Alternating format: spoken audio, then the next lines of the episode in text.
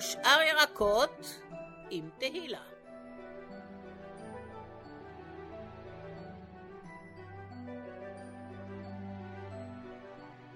שלום. זהו זה, נסגרה גשר, המרפאה לבריאות הנפש למבקשי מקלט. הפעם חוזר ההסכת כרב שיח, כמין רקביים למרפאה שפעלה מ-2014 עד 2019 במרכז קהילתי לבריאות הנפש ביפו. ואולי ישמש הסכת זה להנצחה של העשייה המיוחדת לדורות הבאים. לא, לא הייתה זו מרפאה ככל המרפאות. היה בה, לפחות בתחילת פעילותה, שאר רוח. הייתה בה חדוות יצירה, באמת, והתרוממות הנפש לעשייה, למען האוכלוסייה המודרת שבמודרות, שאין איש מעוניין בה. התכנסנו אנו, רובנו מדור המייסדים של המרפאה, לחזור ולספר על המטופלים קשי היום ובעלי העבר רב העינויים, ועלינו, כן, על ההזדמנות המיוחדת מאוד שנפלה בחלקנו להקים מרפאה שכזו בתוך יחידה של משרד הבריאות. מי שהיה שותף לעשייה בתחילת הדרך לא נותר כשהיה. המרפאה נולדה מהצורך וכהמשך להשתלשלות אירועים שיפורטו בהמשך, אבל הזרז הייתה אותה מלגה עלומה שנציבות האו"ם לפליטים בראשות גברת בורגי ולפורגה אנגלברכט, אני מאוד אוהבת להגיד את השם, וגברת שרון הראל, הייתה אמורה לקבל למטרה זו מתורם מגרמניה. התרומה שהגיעה בסופו של דבר הייתה קטנטנה, במיוחד יחסית להוצאות.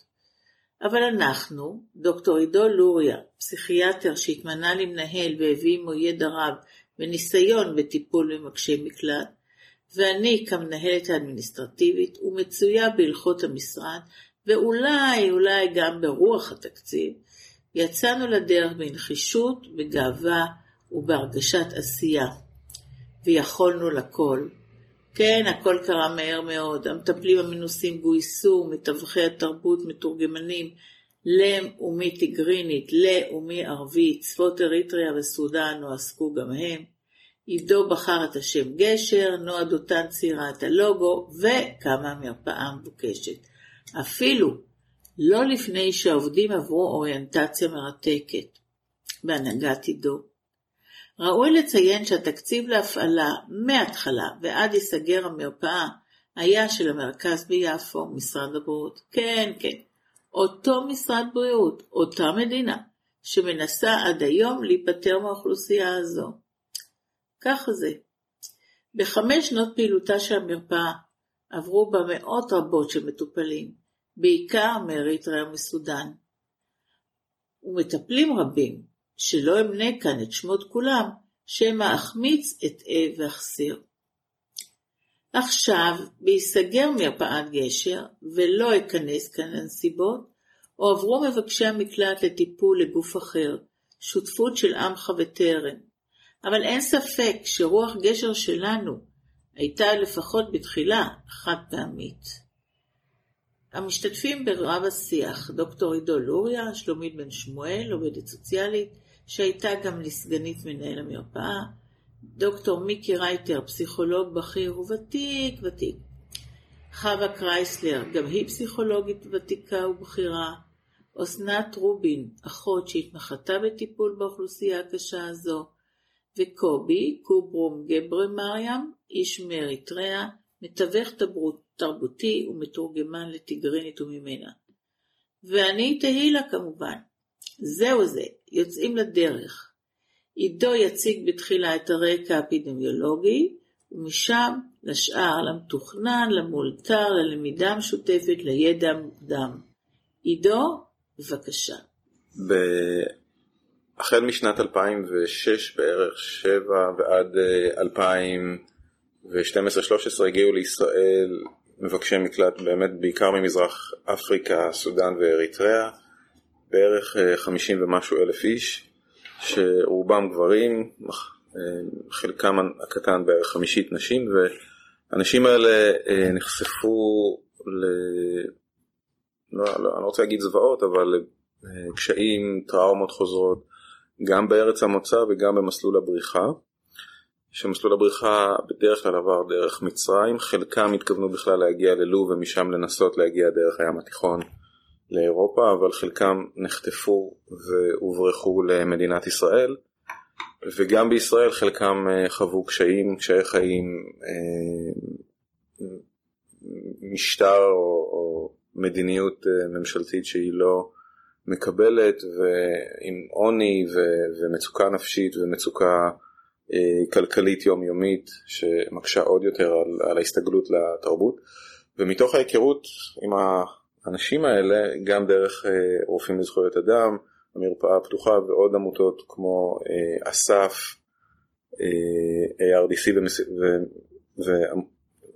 וארגון מסילה, שזה ארגון של עובדים ועובדות סוציאליות של עיריית תל אביב לטובת האוכלוסייה הזרה, הבנו בעצם שצריך שתהיה מרפאה יהודית לטובת אנשים שעברו כל כך הרבה דברים ובעיקר בעיקר מתמודדים עם בעיות שהן אה, אה, נפשיות שהן תגובה למצבי חיים. באוקטובר נערכה פגישה אה, אז המשנה למנכ"ל משרד הבריאות בועז לב וראש האגף לשירותי בריאות הנפש דוקטור גדי לובין עם נציבות האו"ם לפליטים שמי שייצגה אותו אז הייתה שרון, שרון האל והם אכן אמרו שהם מבינים את הצורך והם יעזרו לפעול בכיוון. אני חושב שמה שגם עזר להם להחליט את ההחלטה, את ההחלטה הזו הייתה העובדה שהוקמה אה, גדר גבול עם מצרים ותופעת ההסתננות במרכאות או לא במרכאות או ההגירה ממזרח אפריקה לישראל די נעצרה וככה אפשר היה להבין שתופעה יחסית שהיא אה, נשלטת אה, והאוכלוסייה לא הולכת לגדול עוד ועוד אחת החששות היה של, היו של משרד הבריאות שהאוכלוסייה תגיע לממדים שאי אפשר יהיה לתת אה, אה, טיפול ועזרה. בדצמבר 2013 הייתה אה, נערכה בתל אביב ועידה או כנס או סדנה, וורקשופ של נציבות האו"ם לפליטים עם מומחים מהארץ ומהעולם בנושא של הגירה וטראומה וגם שם אכן יצאה קריאה בסופו של דבר שכדאי להקים שירות ייעודי לאוכלוסייה הזאת.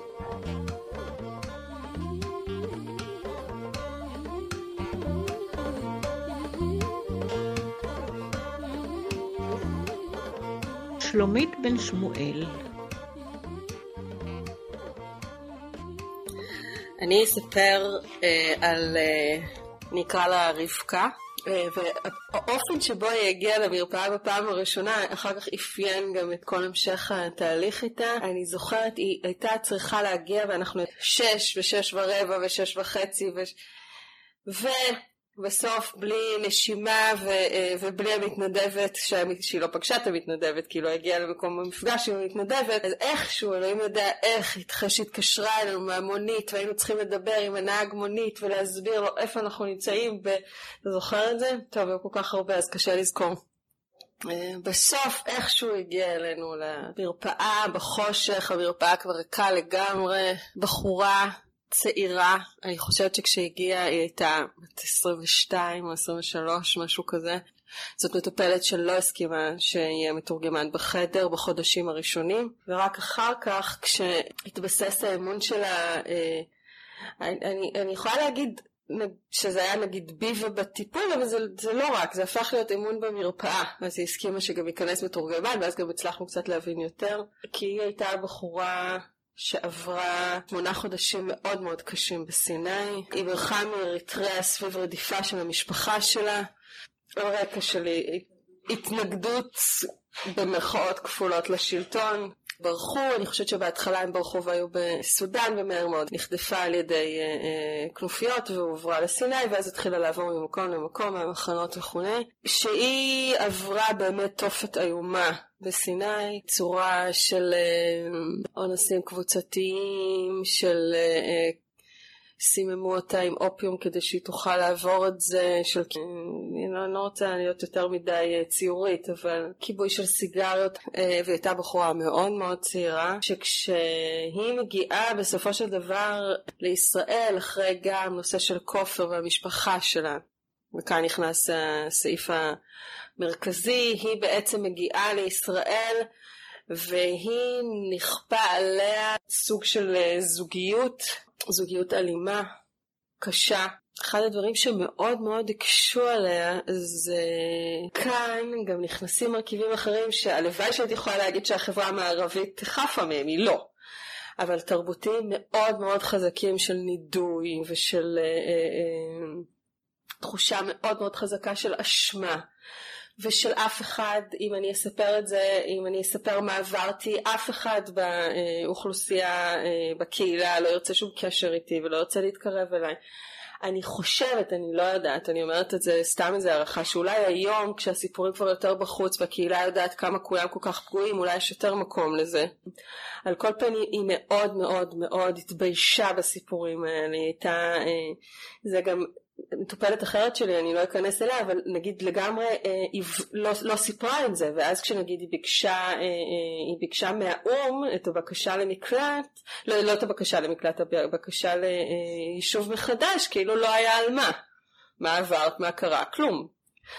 כי באמת אה, זו תופעה של, אה, של בושה ושל אחר כך איך אני אתקבל בקהילה ומי יסכים להיות איתי בקשר, מי יסכים להיות איתי במגע, יאשימו אותי שזה בגללי, שלא שמרתי על עצמי מספיק, שאיך הגעתי למצב הזה, שאנחנו מכירים את כל זה מהתרבות המערבית, אבל בעשרה טונים, שמונה אוקטבות יותר אה, מוחלש ונמוך, וכדי שהסיפור באמת לא יהיה, אה, לא יהיה קל מדי, היא הרתה לאותו אלים ומכה ונולד, אה, בעצם אני פגשתי ילדונת שעברה גיהנום ותופת ומגדלת תינוק.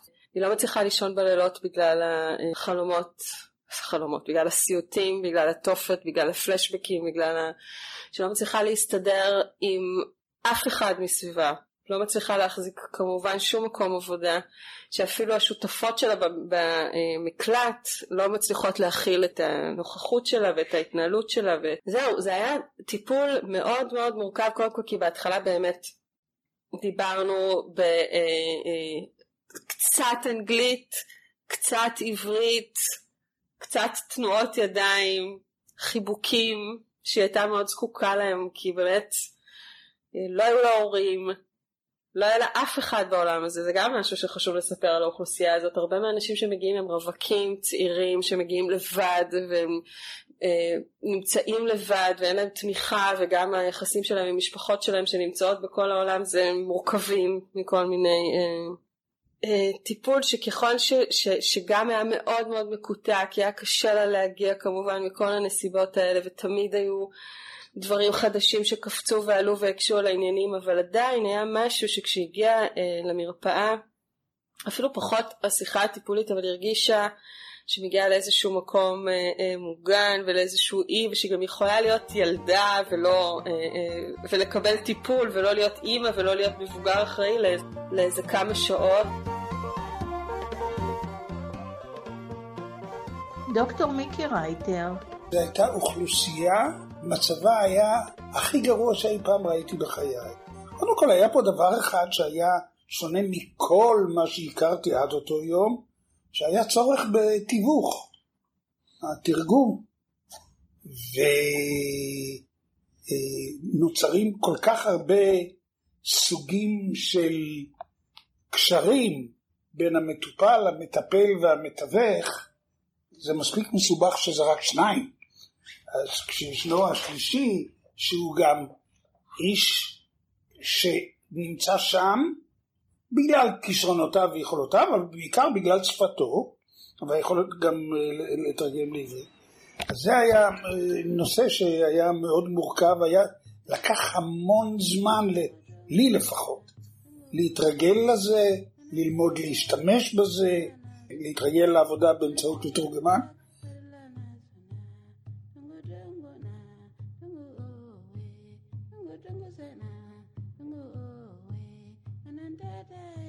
קוראים לי קורום, עבדתי במרפאת גשר כמגשר תרבותי. לפני שהגעתי למרפאת גשר, אה, לא היה לי שום שמץ של מושג מה זה אה, הטיפול המערבי, מה זה טיפול לבריאות הנפש בכלל, כי זה לא משהו שרגיל אצלנו. אני רגיל לטיפולים תרבותיים לבריאות הנפש, לא לטיפול המערבי הזה. בהתחלה לקח לי קצת זמן, היה לי קשה להבין ולהבין בכלל בעיקר את המשמעות של הדבר הזה, מה, מה המטפלים בעצם עושים שם, מה, מה עושים בחדר הזה. אבל אחרי כמה חודש, חודש וחצי, לאחרי זמן קצר, אני הבנתי שזה בעצם מעשה קדוש, זה יוזמה קדושה, שאני חלק מהקהילה אה, שעברה אה, את העינויים אה, בדרך, אני, אני חלק מהחוויה הזאת, חלק מהטראומה שהיא רודפת אותנו. אני מיד גיליתי את עצמי אפילו שאני יושב בחדר עם מטפל, אני גם כמטופל וגם כמגשר תרבותי, כי זה המטפל מטפל באותה סיטואציה, באותה טראומה שאני עברתי, באותה חוויה שאני אה, חוויתי. כמגשר תרבותי זה לא, זה לא פשוט לשבת בחדר, זה לא רק תרגום, זה להעביר את המשמעות של המטפל אומר למטופל בצורה תרבותית יותר, בצורה שהוא יבין יותר, ולהפך, גם מה שהמטופל אומר למטפל. זה היה בשבילי חוויה של שנתיים, חוויה מדהימה, למדתי הרבה, למדתי מגשר, להסתכל על הצד החיובי, עזר לי להתמודד עם המציאות שאנחנו כקהילה, קהילת מבקשי מקלט נמצאים בה מה ההבדל בין התרגום הזה לתרגום פה? כי התרגום, התרגום רגיל אתה צריך לתרגם אותו מילולית, זה, זה לא שכל מה שמטופל אומר, אני אפילו מתקשה להסביר על זה, זה יש, יש בתרגום של בריאות, בריאות הנפש יש, יש מילים שאומרים אותם אחרת ויש מילים שאם אה, שלמשל, למשל פועל אריתראי אומר בסדר ומוריד את הראש, שמן הסתם בישראל ששואלים לבן אדם מה שלמה, שהוא אומר בסדר זה בסדר. הבסדר הזאת, המשמעות של המילה הזאת, שהוא אומר בסדר ומוריד את הראש, הוא משדר איזשהו משהו תרבותי, הוא לא, לא סתם אומר רק בסדר, יש משהו שהוא לא רוצה להגיד, אבל הוא רוצה, יענו, תשחרר אותי, תעזבו אותי, צריך לה, להעביר את זה למטפל, כי המטפל, אם אני אעביר לו רק את המילה בסדר, יגיד בסדר, אז, אז אתה בסדר, תמשיך עם התרופות, וקרו הרבה אה, מקרים, גילינו הרבה דברים במשך העבודה שלי. צריך להיות מומחה בשביל להסביר את הפערים של תרגום רגיל, שזה אה, מילולית, ותרגום בבריאות הנפש.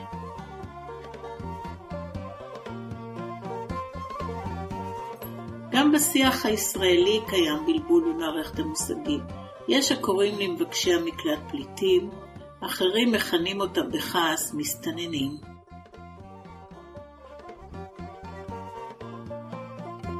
חווה קרייסלר אה, יש אה, עניין אה, של מילים שהוא לא רק סמנטי, אני חושבת שהוא מאוד מאוד משמעותי. זה מסתננים, אני חושבת שמירי רגב או אלי ישי או לא כל כך אה, מודעים ולא כל כך זוכרים את אה, תקופת הפדאיון של שנות החמישים, ככה שמסתנן היה אה, משהו חבלני לחלוטין, משהו רע, משהו שמגיע לכאן כדי לפגוע, כדי להרע, כדי להזיק. וזה כל כך שונה מהמאפיינים של האוכלוסייה הזו שאנחנו פגשנו ופוגשים ומטפלים בה.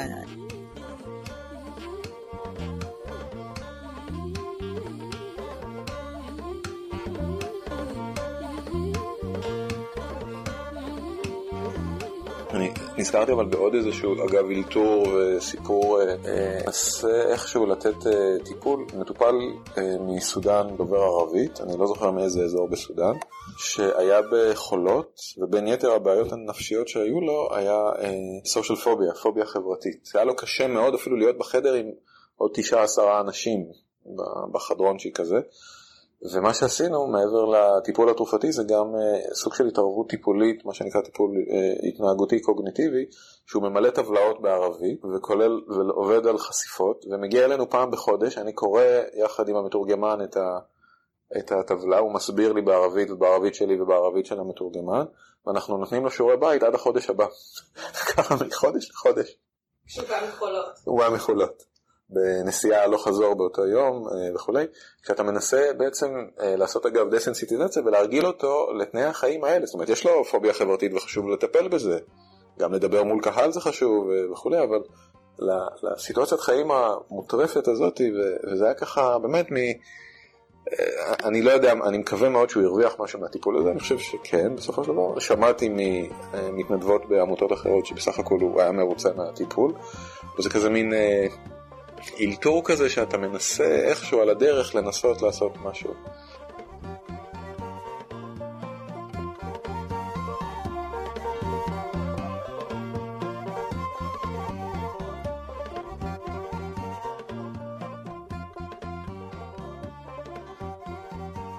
אני אספר על פלורנס, מניגריה. היא הגיעה אחרי אשפוז בבאר יעקב, ואחר כך הייתה מאושפזת גם בברבנל, במצב אה, פסיכוטי פרנואידי. האישה, בנוסף לכל, אה, חירשת לחלוטין באוזן אחת, ובאוזן השנייה ירידה משמעותית בשמיעה. אפשר לעשות אה, ניתוח של שתל קוכליארי, אבל אין מי שישלם על זה.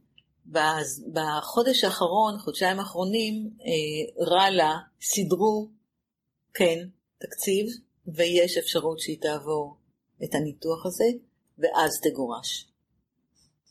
זה, אבל זה מאוד אה, משנה, בגלל שהחירשות שלה מזינה עוד את ההפרעה הפרנואידית. רודפים אחריה, מסתכלים עליה, רוצים אה, להרוג אותה, והיא התחילה לקבל טיפול תרופתי, ו... הופנתה אליי. בת, היא הייתה בש, בתחילת שנות ה-40 שלה, גרושה, בלי ילדים. היא בת לשבט איזשהו בניגריה, שהופקדה על טיפול בתינוק. תינוק חלה, היה לו חום, והוא נפטר. המשפחה האשימה אותה אה, שהיא כישפה את התינוק וצריך להרוג אותה, גם, כי, גם כנקמה וגם כי היא מכשפה.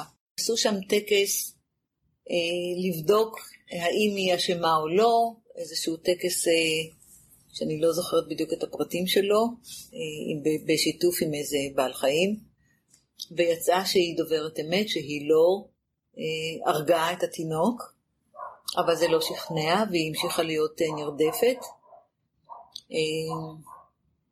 עם איומים על חייה, ובסופו של דבר הכנסייה חילצה אותה מהכפר והביאה אותה לאיזה, לאיזה מנזר, שם אה, היא קיבלה מקלט, אה, עד שיום אחד אה, אחת ה...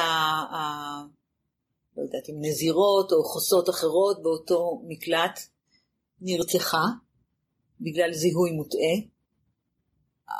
הרצח היה מיועד למטופלת, ואז הבריחו אותה לישראל באיזשהו אופן. היא הגיעה לכאן, אה, לדעתי לא, לא דרך סיני, אבל אני לא בטוחה בזה. אה, היא הגיעה לכאן ישר לסהרונים.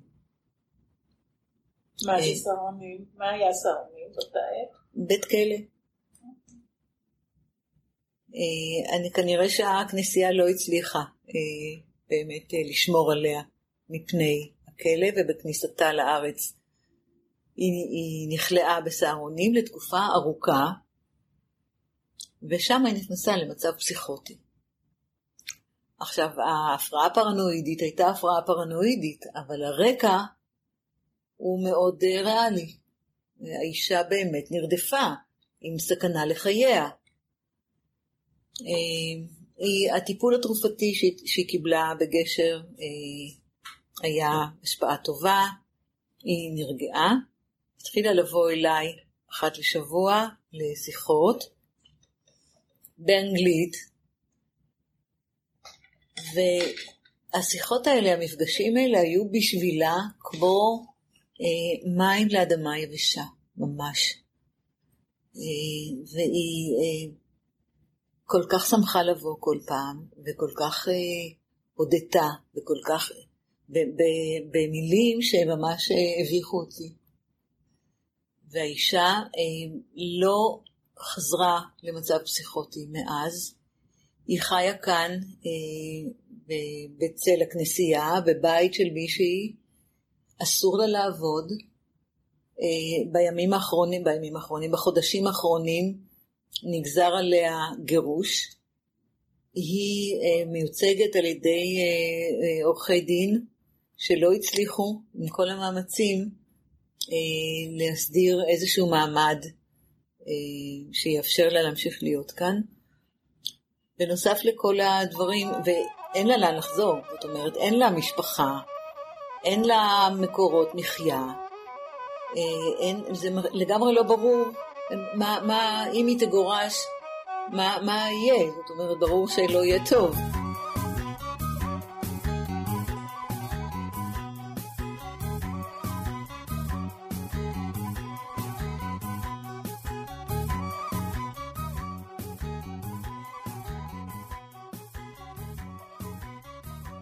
אגב, לא להיות אותו בן אדם שהייתי לפני, לפני ההתחלה של העבודה, אז מעבר לדברים האלה של למידה והתפתחות אה, וכולי, ושחיקה וטראומטיזציה וכולי, אני חושב שאחד הדברים, וככה גם מתקשר למה שאתה אמרת מיקי קודם לגבי המדינה, מכיוון שהתפקיד שלנו, גם שלי ושל שלומית כמנהל וסגנית וגם שלנו כמנהל ומנהלת אדמיניסטרטיבית גם של המרכז הקהילתי אבל גם אחראית על המרפאה, נתקלנו בכל מיני גורמים ממשלתיים נקרא להם, במשרד הבריאות, באגף לבריאות הנפש, ב, אה, בכל מיני אה, סקציות בתוך משרד הבריאות וגם אה, משרד המשפטים ופה ושם בכנסת וכולי. ואני חושב שבעיקר מה שלקחתי משם זה את הציניות. זאת אומרת, הציניות של civil servants, משרתי ציבור, שאפשר להשתמש בכל טיעון בצורה צינית. זאת אומרת, בסופו של דבר, אם אתה לא רוצה לתת טיפול לאוכלוסייה זרה, שחורה, מודרת, במרכאות משוגעת, מופרעים וכולי, אין שום בעיה, אני אתן דוגמה, אה, קצת כמו שאומרים, אה, בוא נקים אה, ועדה לבחון את הבעיה, אז אין בעיה, אפשר להגיד, בוא נעשה פיילוט. למה פיילוט אם צריך את השירות הזה לכל האוכלוסייה?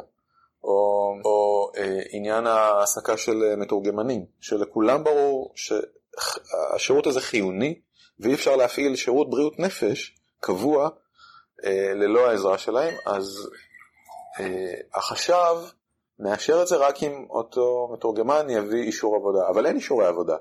וכל חודש הסיפור הזה מההתחלה, כמו להמציא, אבל, ואתה מסביר לאותו אה, חשב שיש אישור עבודה אה, גורף להעסקה של אותו בן אדם במרפאה, אבל צריך להמציא את זה כל חודש מההתחלה.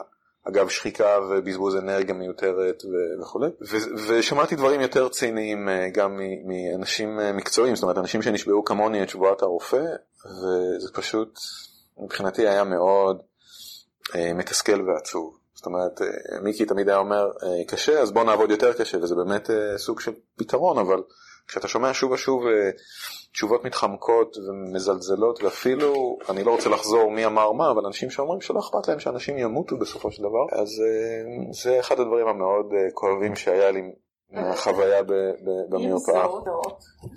עם זאת, אני חושבת שהיינו בני מזל, שבאיזושהי דרך, בקונסטלציה מסוימת, צלחנו, צלחנו מצב שבקונסטלציה אחרת ואנשים אחרים שהיו נקראים בדרכנו, לא היינו מצליחים ליצור את, ה, את הדבר המיוחד הזה, את היחידה המיוחדת הזאת. הצלחות, אה, הצלחות טיפוליות ש, שגם שלומית אה, ככה כתבה על זה, שאנשים שעוברים למדינה שלישית כמקום מקלט, אנשים שיורדים מהמטוס ומקבלים מעמד של פליט. במדינה שקולטת אותם ומדינת ישראל לא הכירה בהם ככאלה.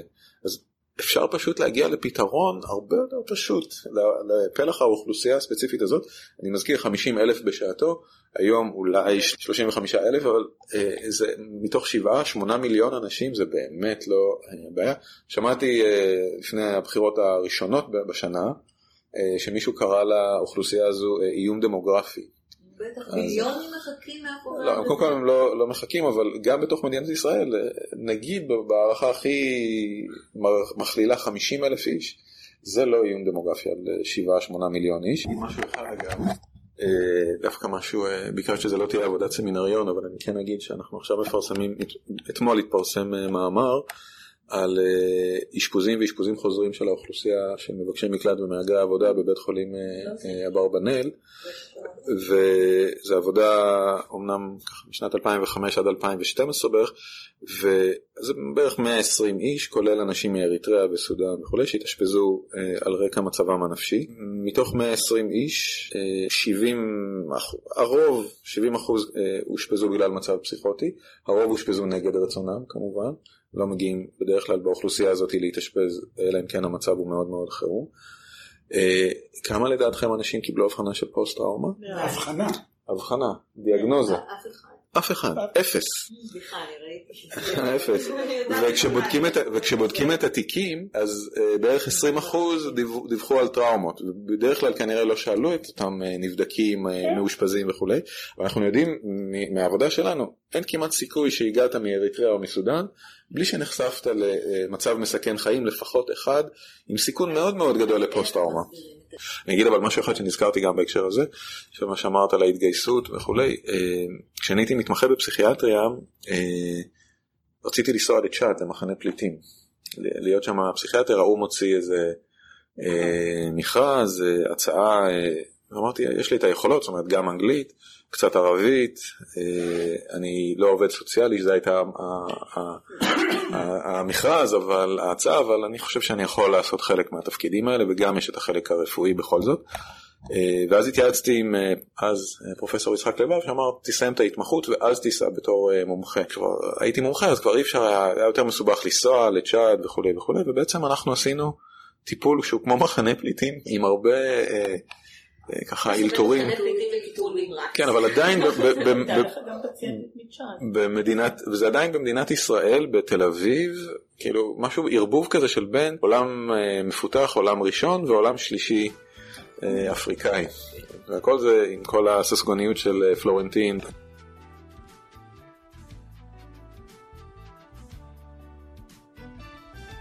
כדי להבין את תנאי החיים העלובים של חלק ממבקשי המקלט, אסנת רובין תספר על ביקורי בית שערכה במסגרת הטיפולים.